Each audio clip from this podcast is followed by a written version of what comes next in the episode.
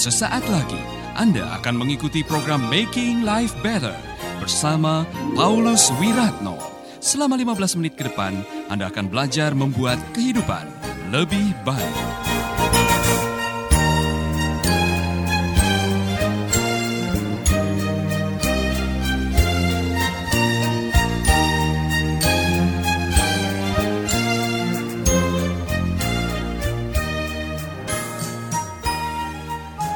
Nah ini bedanya antara berziarah dengan hanya piknik ke masa lalu. Beda antara ziarah dengan piknik, saudara. Saudara tahu bedanya ziarah dengan piknik? Apa coba? Piknik lebih banyak ke mata hubungannya. Ziarah itu ke hati. Anda berziarah karena Anda punya ikatan batin dengan tempat itu, dengan pengalaman itu, dengan pohon itu, ya kan? Ziarah. Anda pernah ziarah ke kubur orang tua? Apa yang Anda lakukan di situ? Nari, sudah ketemu kuburan bapak saya. Tidak, saudara akan duduk, merenung, mendoakan, mengingat kebaikan. Itu ziarah. Makanya umat Israel sering diperintahkan, ayo naik ke Gunung Sion. Pergi ke Sion. Ku mendaki ke Bukit Sion. Buat mereka, buat orang Israel, Bukit Sion itu ziarah. Karena ziarah itu punya kaitan hati, karena melalui ziarah kita meredefinisikan kembali hubungan kita dengan Tuhan. Saudara-saudara, sering-seringlah menulis jurnal kehidupan saudara, karena itu salah satu cara untuk engkau mengunjungi kembali. Kunjungi kembali pengalaman-pengalaman yang indah bersama dengan Tuhan, karena itu bisa menguatkan iman kita. Amin. Ziarah. Saudara-saudara, kalau saudara melihat di dalam perjanjian lama ada tiga hal yang diperintahkan untuk mengingat. Yang pertama tadi, ingatlah keajaiban-keajaiban Tuhan. Itu yang pertama. Yang kedua, ingatlah kebaikan-kebaikan Tuhan. Ingat kasihnya, ingat kebaikannya, dan anugerahnya. Ada lagunya itu. Mengingat kebaikan Tuhan membuat situasi yang mungkin sedang tidak baik engkau alami, atau saat engkau menghadapi situasi yang buruk dalam hidup, dengan mengingat kebaikan Tuhan, ingatan itu bisa mengubah suasana hati kita. Amin. Ini contoh aja, saya lihat di Facebook, ada orang yang mungkin saking miskinnya beli lauk, enggak ada. Enggak ada uang. Dia ambil nasi, kemudian dia ikat ikan di depannya. Ikan digoreng, setiap kali dia makan, dia mencium bau ikan. Ya, dia makan lagi, dia cium baunya ikan aja. Nah, sebetulnya itu contoh bahwa dalam situasi yang sulit, saudara punya kiat, bisa punya situasi di mana hanya dengan mencium, saudara bisa punya kekuatan untuk menyelesaikan tugas saudara. Nah, dalam situasi saudara menghadapi jalan buntu, tidak ada lagi uh, pertolongan yang saudara bisa andalkan, ingat saja kebaikan Tuhan. Ingat kebaikan Tuhan yang pernah engkau alami.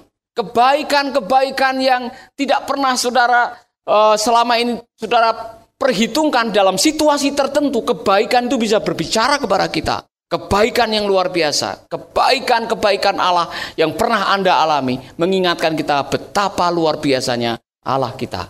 Ingat kebaikannya, ingat kebaikannya. Tapi dalam perjanjian lama juga ada, ingatlah nenek moyangmu. Ingatlah Abraham, Ishak dan Yakub. Umat Israel selalu diminta untuk mengingat orang-orang.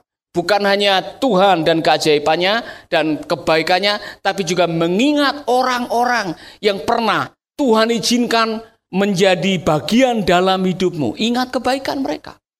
Amin. Kalau saya tanya kepada saudara-saudara, saudara sudah seandainya saudara masuk surga dan saudara bisa memilih Siapa orang-orang yang saudara izinkan tinggal dalam satu rumah dengan saudara? Kira-kira siapa? Siapa orang-orang yang saudara tidak akan pernah lupakan dalam hidup saudara karena kebaikannya? Karena orang itu pernah diizinkan oleh Tuhan transit dalam kehidupan saudara dan mengantarkan saudara ke tempat di mana sekarang saudara ada.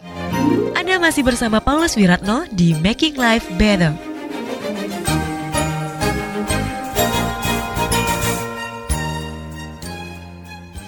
Ada? Ada orang-orang yang selain daripada kekasih saudara atau keluarga saudara maksudnya.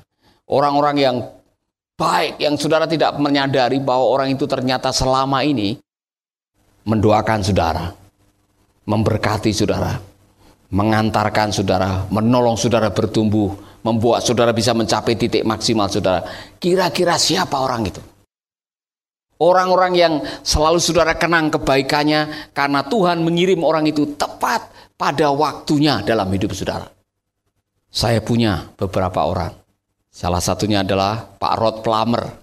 Pak Rod Plummer adalah gembala live house di Tokyo yang pada waktu kami ada di Halong dia telepon, "Paulus, kamu masih hidup?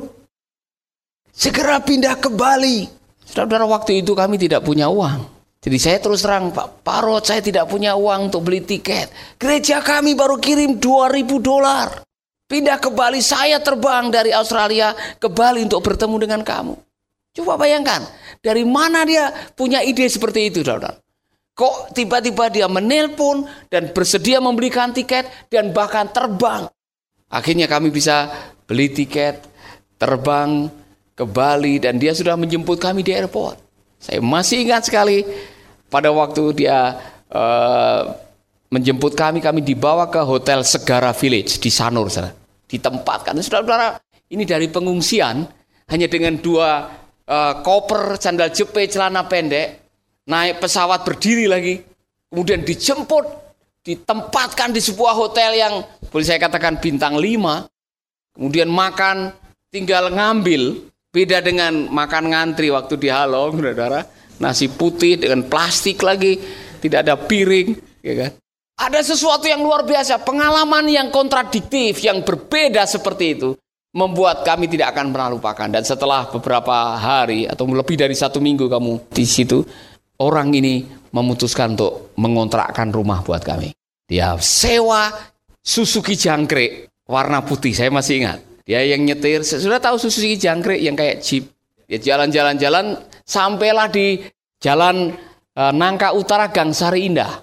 Kalau tidak salah waktu itu nomor 19 atau 32. 32. Ya. Kemudian kami lihat rumahnya dan dia bilang, Paulus kalau kamu suka gereja kami mengontrakkan rumah itu dua tahun buat kamu tinggal di situ. Oh, saudara-saudara, ada hal-hal yang luar biasa yang makanya saya tidak akan pernah melupakan orang-orang yang karena disuruh oleh Tuhan untuk melakukan kebaikan, mentransferkan kehidupan kita sehingga kita punya pengalaman-pengalaman rohani yang luar biasa. Itu bukan karena kebetulan, Saudara.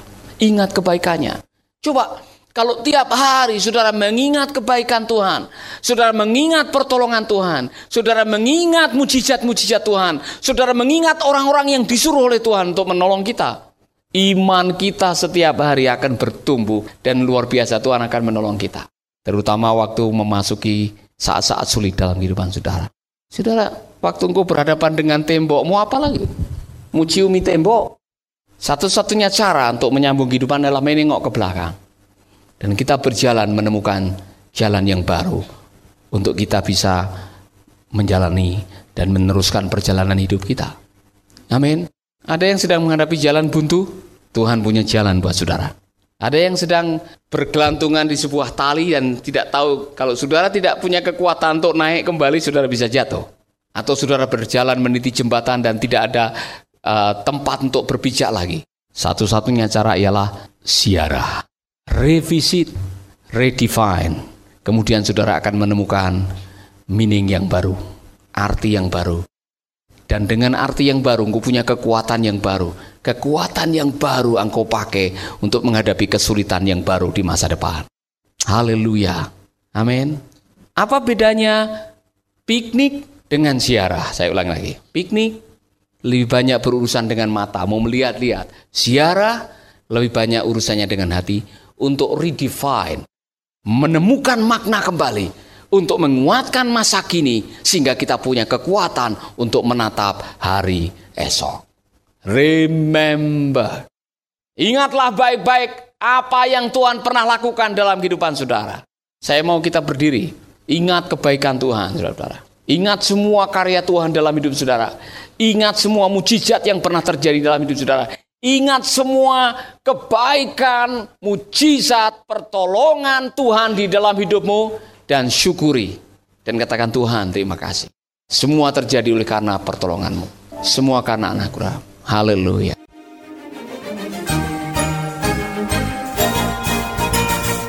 Baru saja Anda mendengarkan Making Life Better bersama Paulus Wiratno.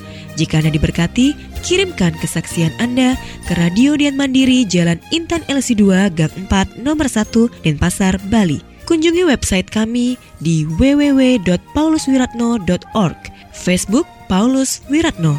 Hubungi kami di 081 338 665500. Sekali lagi 081 338 665500. Terima kasih, Tuhan memberkati.